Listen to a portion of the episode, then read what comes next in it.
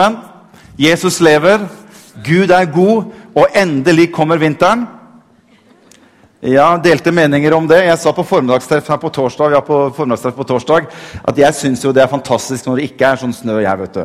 Jeg syns det klimagreiene jeg synes det er bare greit. Ikke noe snø, ikke noe måking, ikke noe kalde biler. Det, altså, det, det passer meg helt greit med den klimaet. Og hvis det kan bare fortsette sånn, at vi kan ligge på stranda i desember måned og, og, og kose og sole oss, så syns jeg det hadde vært Ja, jeg, jeg, jeg veit ikke. Ja, men, men, jeg er litt sånn Jeg er ikke helt sikker på hvor jeg liksom, på en måte skal plassere meg. Men det er veldig deilig med en skitur. Er ikke det? Det er veldig deilig med en skitur også. Så, ja. så sånn er det.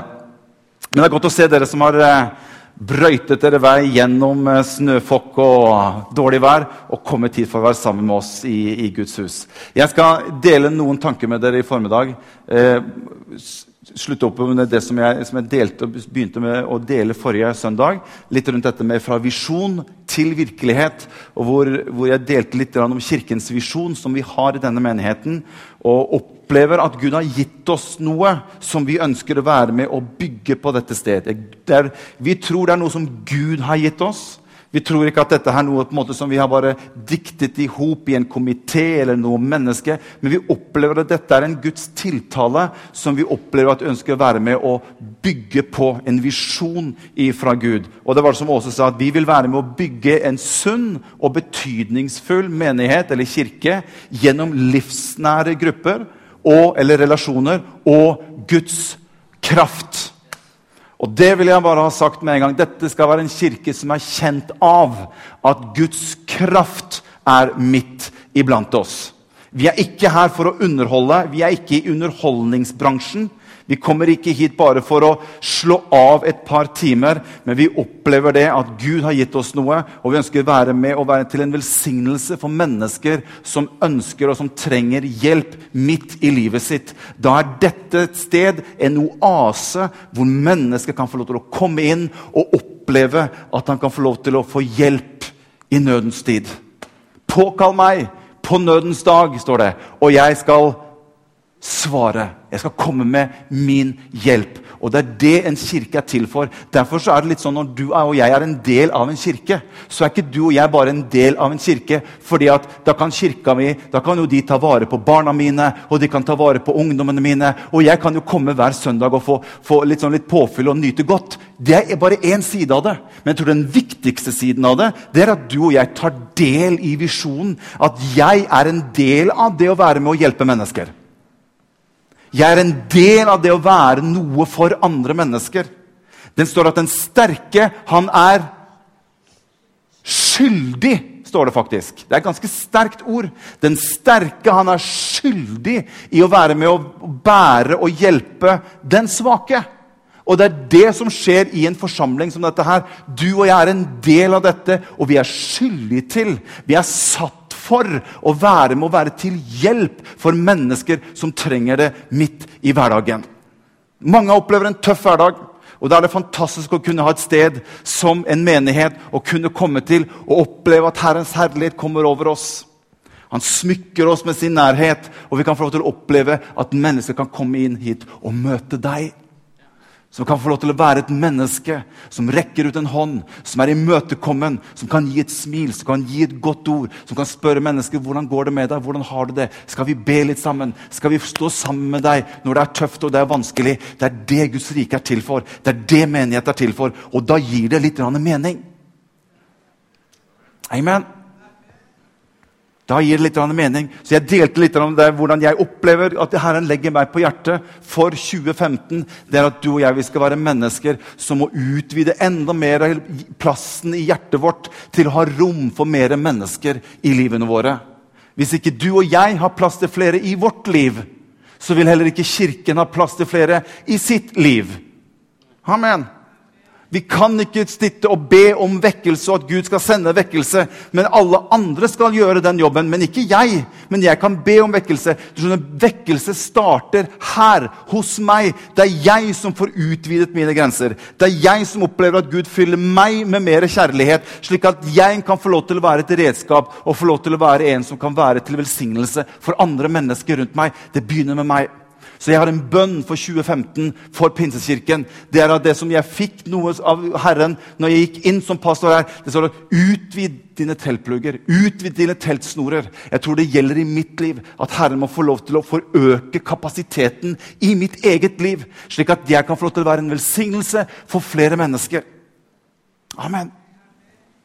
Dette ligger meg på hjertet. Det ligger meg tungt på hjertet. Og Det var det jeg delte litt fra forrige søndag. Gud har noe større for deg. Gud har noe større for meg, og jeg ønsker å tro Gud for 2015. At han som er i meg, han er sterkere enn han som er i verden. Jeg ønsker at 2015 skal bli et år hvor jeg kan få lov til å gå videre, vokse videre i den plan og i den hensikt som Gud har kalt livet mitt til. Amen. Og Det går litt på hvordan du innstiller deg for 2015. Hva ser du for deg? Hva ønsker du for det neste året som ligger framfor deg? Det står 'Hans nåde er ny hver morgen'. Og det er alltid litt sånn Når man går inn i et nytt år, så er det noen som lager seg noen sånne nyttårsforsetter. Er det noen her som har et nyttårsforsett? Få se en hånd. Du trenger ikke å si det høyt. Du bare beskjedent bare sånn 'Ja, jeg har et nytt nyttårsforsett'. Jeg har et nyttårsforsett. Det er sånn forsett og forsett som før. Det er knallgodt nyttårsforsett. Fortsett og fortsett som før. Nei, jeg ønsker at 2015 skal berike meg enda mer enn 2014. Jeg ønsker å vokse i kunnskap og kjennskap med Herren enda mer i 2015 enn i 2014. Jeg ønsker å være et redskap mye mer i 2015 enn i 2014. Så jeg vil invitere dere alle sammen til å være med på møtet i kveld. Eh, på, på betjeningssamlingen som vi skal ha i Pinsekirken, gamle, gamlekirken vår. At vi kommer sammen og så ber vi Herren om at han skal velsigne dette året for oss. At du og jeg vi kan få lov til å gå inn enda sterkere i det som Gud har kalt både oss som kirke til, men deg og meg som individ. Amen. Vet du, jeg har sagt det så mange ganger. Den raskeste veien inn i Guds plan med ditt liv, den tror jeg går gjennom hans menighet. Du kan ikke regne med at du skal stå på utsiden av hans forsamling og be om at Gud skal bruke deg. Gud vil bruke deg når du er plantet i Herrens hus. For det står at de som spirer, det er de som er plantet i Herrens hus. Det er der han fører deg inn i den planen han har for deg. Jo raskere du ønsker å komme inn i det som Gud har for deg, vær plantet i Herrens hus. Slå røtter inn i hans kirke og være med å bygge hans rike. Og Du skal få se hvordan han kan få lov til å forme deg dit han har tenkt deg, og den plan og hensikt han har for ditt liv. Amen. Vær en medarbeider i Guds rike.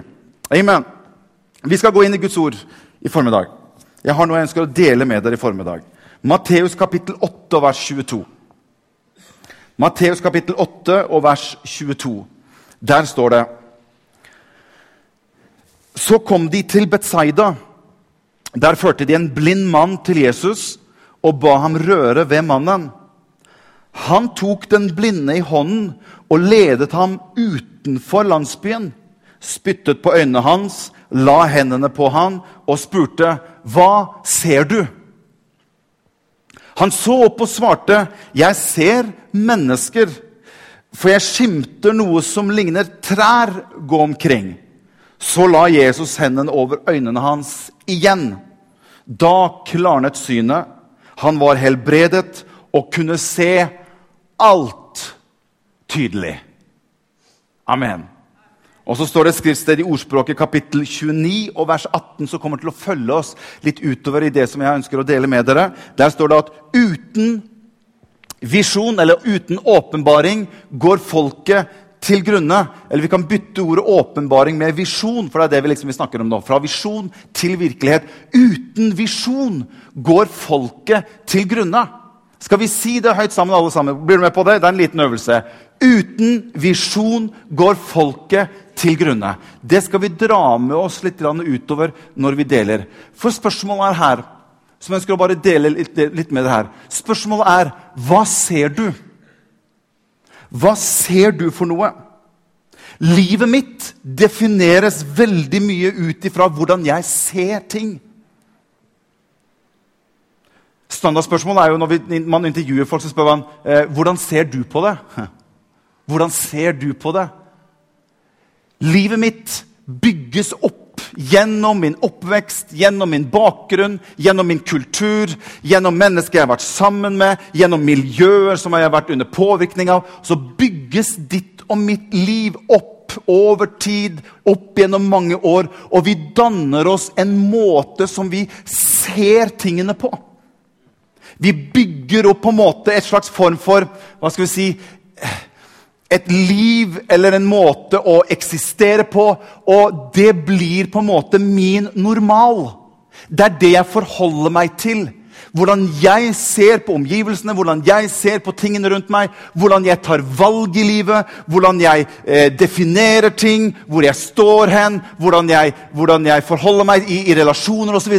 Det bygges opp. Fordi, og det, det, blir det, det blir på en måte min normal. Det er hvordan jeg opplever at tingene skal være. Og det er ikke noe galt i det. Alle oss gjør det.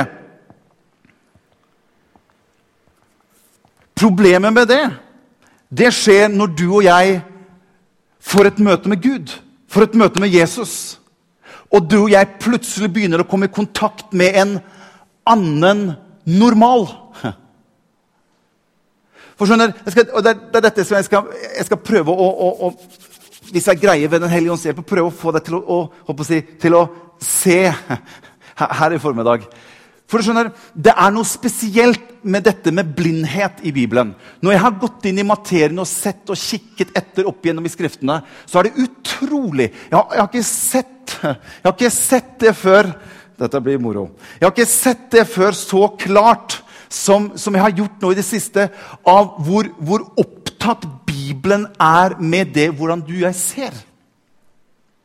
Det er noe spesielt noe med dette med blindhet. Det, det, virker som at noe av det som, Hvis du ser på Jesus sin tjeneste, noe av den sykdommen som han er si, mest ute etter, det er blindhet. De fleste mennesker av helbredet. De var blinda. Og jeg tror ikke at Jesus bare var på, på, på jakt etter vedkommende som var blind. For du, Veldig sjelden så leser vi om de som blir helbredet i Bibelen, at de hadde noen spesiell funksjon i ettertid. Som at på en måte Jesus helbreder dem fordi han ønsker å bruke dem til noe spesielt. For eksempel, ta for eksempel Lasarus. Når han vekker Lasarus fra det døde, står ingenting om at han ble sterkt brukt av Gud i ettertid. og han gjorde sånn og sånn og sånn. Men det virker som at Gud bruker en del eksempler fordi han ønsker å eksemplifisere. Han ønsker å vise noe. Han ønsker å på en måte demonstrere noe med det han gjør. Han har en bakenliggende agenda med det han gjør. Og det virker som at blindhet er en av de tingene som Jesus er veldig opptatt av.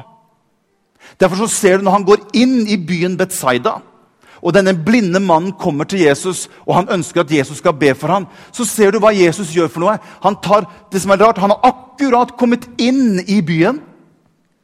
Og du skulle tro at når du først har kommet inn i en by, så blir du der. Men når Jesus møter denne blinde mannen, så tar det, han tar han i hånden og leder han ut igjen av byen. Altså Han tar denne blinde mannen, som har på en måte sin normal, slik han ser på tingene. Så tar han den blinde mannen og så tar han han ut av sin sammenheng. For kanskje den sammenheng, eller det han har stått i, eller det han har vokst opp i, eller det han har gjort som sin normal Kanskje det er det som er noe av årsaken til at han ikke ser tingene helt klart. Og Gud ønsker å vise denne mannen en ny normal. Og Derfor så tar han han ut av sin sammenheng, og så legger han hendene på han, og så begynner han å se. Og så ser vi, som vi leste, Først så ser han litt. Grann, og Så begynner Jesus å be for ham en gang til. Og så, det, og så så han alt klart. Hva er det som skjer med mannen? Han plutselig opplever at her er det en ny normal som jeg ikke har forholdt meg før. Som ikke jeg forholdt meg til før. Jeg ser ting annerledes nå enn det jeg har gjort tidligere.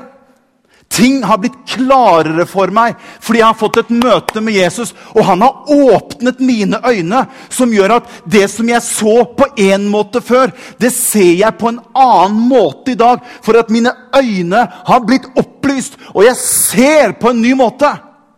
Og det er det som jeg ønsker bare å få, få liksom på få, ja, ja på, inn i oss i formiddag at du skjønner, det fins en annen normal for deg og meg enn den normalen som du og jeg bygger opp gjennom alle år. Hvordan du og jeg ser på ting, trenger ikke alltid å være normalt. Vi kan til og med se på mennesker som bygger opp et normal, sin normal, men som ikke er normalt. Men man ser det ikke, for det er min normal. Det er slik jeg ser på det. Inntil Jesus kommer inn i bildet. Hør! Gud kan ikke forklares. Du kan ikke forklare Gud. Gud må åpenbares. Vi sang i en sang Tidligere så sang vi 'Det kan ei forklares', men bare erfares hvor salig det er hos Jesus. Og det er helt riktig. Gud kan ikke, Hvis du skal sette i gang og begynne å forklare Gud, det er håpløst. Hvorfor det? Jo, for Bibelen snakker om at han er skjult. Se hva som står her i et, i et bibelvers. Bli med meg til 2. Korinterbrev kapittel 4 vers 3. Får du noe ut av det? Er dere med? Bra. Jeg er veldig åpen for litt ammen nå. Yes, takk og lov. Og, og, og bare Ja. 2. Korinterbrev kapittel 4 og vers 3. Se her. Men selv om vårt evangelium er skjult hva, som, som, hva er skjult? Så du ikke du kan høre det? Nei, så du ikke du kan se det. Det er utrolig mye i Bibelen som går veien for at det snakker om hvilke øyne som ser. Se hva som står. Eh, Men selv om vårt evangelium er skjult, er det for dem som går fortapt, det er skjult. De vantro. De har fått sine sinn forblindet. Ser du at det har med syn å gjøre? Av denne tidsalders Gud. For at ikke lyset fra evangeliets evangelium om Kristus, som er Guds bilde, skal skinne for dem. Så du skjønner, det du er begeistret over, det du opplever å kunne fryde deg og glede deg i, er totalt meningsløst og blindt fjernt for andre mennesker. Ser du kontrasten mellom deg selv, som har sett det, og som har opplevd det, i forhold til mennesker som ikke har sett det? Og ikke opplevd det. Det er totalt meningsløst. Det er totalt fjernt for andre mennesker. Hvorfor det? Jo, for de ser det ikke. De er forblindet. De ser ikke det du og jeg ser. Og Det er det den onde alltid ønsker å gjøre inne i bildet. her. Det står at han har forblindet de vantro sin. Men hør, den onde han forblinder ikke bare de vantro sin. Han ønsker å forblinde ditt og mitt sinn også. Så selv om du og jeg er frelst og tatt imot Jesus og lever sammen med han, så hender det veldig ofte at du og jeg kan komme opp i situasjoner og komme opp i utfordringer som gjør at vi mister synet av hvem Jesus er, hva han kan, hvilke muligheter han har for mitt liv inn i min situasjon. Vi blir forblindet. Og det er disse tingene som jeg tror er så viktig at vi lærer oss det med å holde fast på hvem han er, inn i min normal. Se hva som står videre her i 2. Korinterbrev kapittel 4, vers 6. Her ser du sånn, det her er veldig bra. For den Gud som bør lyse og skinne ut fra mørket, har latt det skinne i våre hjerter for å la lyset fra kunnskapen om Guds herlighet i Jesu Kristi åsyn skinne fram. Hva skjer når det skinner fram?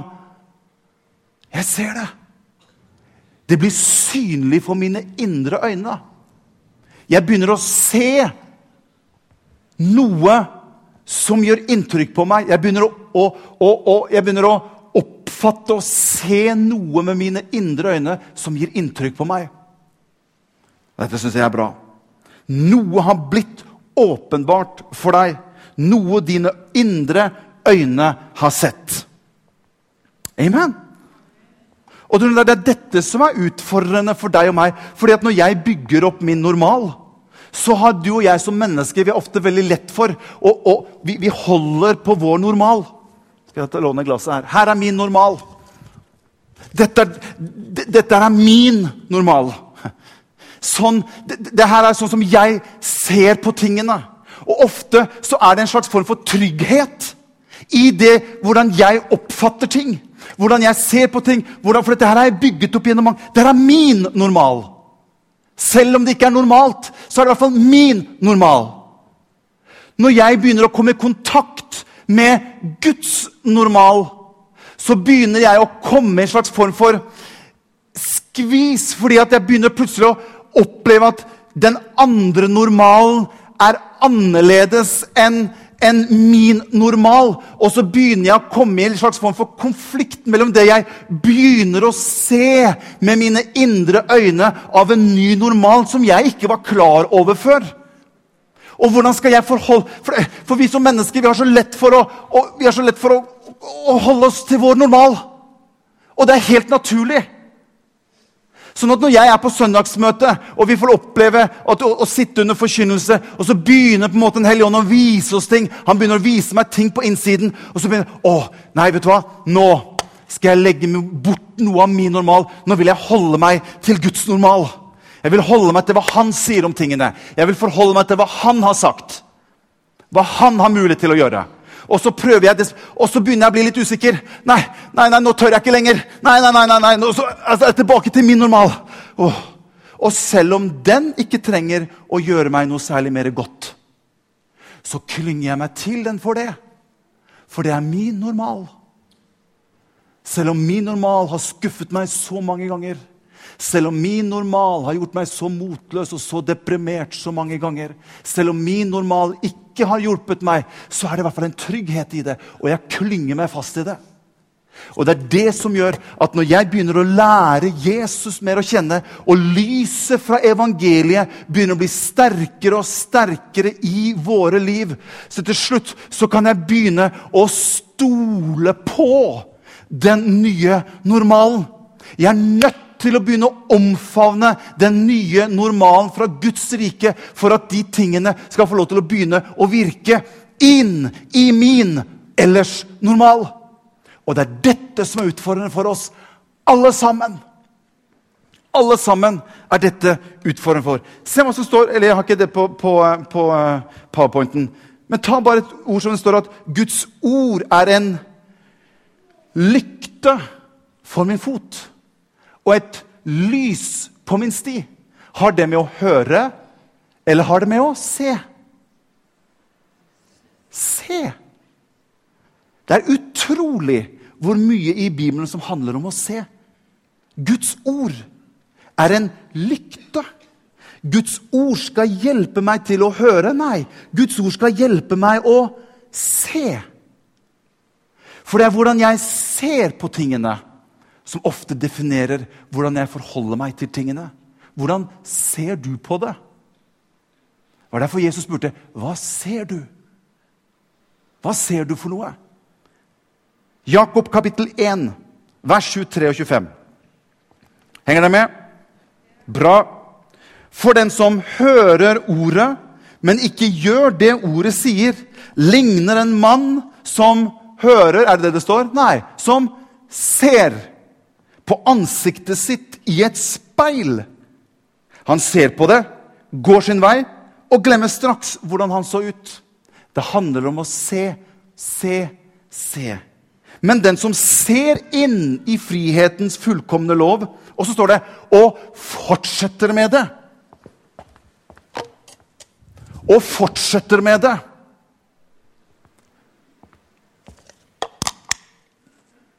Og fortsetter med det. Se hva som står med han. Blir ikke en glemsom hører, men en gjerningenes gjører. Et slikt menneske, står det, skal være lykkelig i sin gjerning. Hvorfor det? Jo, for han fortsetter å se inn i den nye normalen. Han søker inn i den nye normalen. Det er derfor det står at 'det intet øre har hørt, det intet øye har sett', det som ikke kom opp i noe menneskes hjerte, det har han ved Den hellige ånd åpenbart i våre hjerter, slik at vi ser noe annet. Vi ser noe annet. Ja, Men det, det stemmer jo ikke med min normal. Nei! For min normal og Guds normal er ikke det samme. Han har en normal som går langt utover vår normal. Og hans ønske er at hans normal skal bli mye mer del inn i min normal. Det er derfor det går ifra visjon. Det er noe jeg ser, og til virkelighet. For det blir mitt liv til del etter hvert som jeg ser det. Jeg fortsetter å se inni hva han har for meg. Jeg fortsetter å, Derfor er det veldig lite å bare høre ett Guds ord én gang om uken. Hvis du og jeg ønsker å bli forandret, og at vår normal blir påvirket av Guds normal, så må vi utsette oss mye, mye mer med Hans ord. Du og jeg må fortsette å se inn i det og fortsette å se inn i det. og fortsette å se inn i det. Plutselig så begynner det som du hører, plutselig så begynner det så plutselig begynner det å danne seg et lite bilde. Du begynner å se noe annet med dine øyne enn det du har sett tidligere. Og Det var derfor når vi snakket om forrige søndag, når Elia det står 'Jeg hører susen av regn'. Han hørte, men han ba tjeneren sin om å gå og se. Han sa, 'Nå må du prøve å høre, du også.' Var det det han sa? Nei. Han sa, 'Gå og se'. Gå og se. Fortsett med å gå og se inntil du ser. Og syv ganger så gikk han for å prøve å se. Han så ingenting. Kom tilbake. Elia, jeg hører. Gå og se en gang til. Sku inni det enda mer. Fortsett å se, og la Guds normal bli din normal inntil du begynner å se det. Amen. Jeg syns jeg har understreket det ganske greit nå. Jeg har skrevet her målet med Guds ord er ikke bare at vi skal høre det, men se det. Den kan du tvitre hvis du vil. Den er god. Målet med Guds ord er ikke bare at vi skal se, nei, høre det, men at vi skal se det. For det er hvordan du og jeg ser på tingene, som ofte gjør hvordan vi beslutter oss, og hvordan vi forholder oss til tingene. Jeg skal gå inn for landing her. 1. Johannes kapittel 3 og vers 2. Her er fantastisk. Halleluja. Jesus ønsker å vise deg Jesus ønsker å vise deg noe. Jesus ønsker å vise meg noe. Hva han har for deg, og hva han har for meg. Elskede, nå er vi Guds barn. Og det er ennå ikke blitt åpenbart hva vi skal bli. Men vi vet at når han blir åpenbart, når han blir synlig, skal vi bli lik ham. For vi skal se ham som han er. Å se Gud gjør deg mer lik Gud. Å se Gud forandrer deg til det samme bildet som det du ser. Derfor er det forskjell mellom det å erfare Gud og det å bare prøve å være en etterligner. For jeg tror noen ganger så kan vi mennesker vi bli sånne etterlignere. Vi prøver å etterligne når vi er i kristen sammenheng. Vi, vi, vi, kan sette på en slags form for religiøs maske, også. er vi bare i miljøet. Og vi, vi gjør de samme gymnastiske øvelsene som de andre som er rundt oss. Og, så videre, og, så og det er ikke noe ekte, men det er bare en etterligning. Men skjønner Gud, når han møter deg og meg virkelig, så skjer det en forandring. Når jeg har sett Jesus, så er det ingen som kan overbevise meg lenger om at han ikke fins. For jeg har sett han. Og han har forandret noe på innsiden hos meg. Det jeg pleide å si før, det, det, det merker jeg, det sier jeg ikke lenger. Slik jeg pleide å reagere før. Jeg, jeg, jeg reagerer ikke sånn lenger. Ikke alltid, i hvert fall. For jeg er i en prosess. Men det er noe som har skjedd. Det er noe som jeg har opplevd på innsiden. Jeg har sett noe med mine indre øyne som er så virkelig at ingen kan ta det bort ifra meg. Halleluja. En storm hadde kommet ut på sjøen, og disiplene sitter i båten. Og redselen for å omkomme begynner å stige og stige. Og midt i denne stormen, når de frykter for sine liv, så ser de et eller annet som kommer gående mot dem på vannet. Og de kom fram til at dette her må være et spøkelse, for det er bare spøkelser som kan gå på vann. Men de hadde en iblant seg som heter Peter. En frimodig kar. Han som bannet litt. vet du. Han som var litt røff i kantene. Han som kanskje ikke var helt sånn A4-kristen. Helt lik alle de andre. Han var litt sånn, han, den litt sånn voldsomme Peter. Av de tolv så roper Peter, 'Hei!' Hvis du er Herren, så be meg om å komme til deg på vannet. Midt i situasjonen hvor de var redd for å gå under og miste livene sine, så roper Peter på Jesus. Han bytter fokus fra sin omgivelse, som var i ferd med å dra han under, og begynner å feste blikket sitt på Jesus. Og Jesus bruker ikke noe lang preken for å få Peter. Det var ikke noe sånn 'Ja, kjære Peter, ta din fot over båtripen og sett din fot på vannet.' 'Du vil sikkert bli litt våt, Peter, men kom.' Jesus sa bare ett ord. 'Kom!' Og Peter setter foten. Det som i ene øyeblikket var i ferd med å dra Peter under, det setter han foten og går på i neste øyeblikk. Du skjønner, Det er en annen normal som trer inn i funksjon når han byttet fokuset fra sin omgivelse og begynte å feste blikket sitt ikke på omgivelsene, men på Jesus. Og han gikk opp på det som var den største utfordringen hans. Ting som så så vanskelig ut, ting som så så umulig ut. Men så begynte Peter å se på Jesus, og han gikk på vannet mot Jesus. Og halvveis mot målet så innhenter hans normale igjen. Dette går ikke. Dette er ikke normalt. Nei, det er ikke normalt. Ikke for deg, men for han så er det normalt.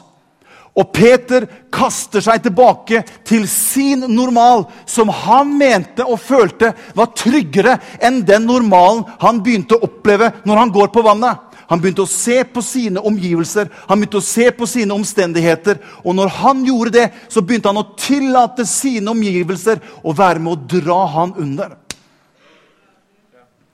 Fest blikket ditt på Jesus. I ditt liv, i ditt ekteskap, med barna dine, med kirken, hva som helst som er ditt liv. Ha våre øyne festet på Jesus. Peter begynte å synke, så kom Jesus bort. Se, Peter, Kom igjen. Ah, opp igjen. Og så gikk de sammen inn i båten.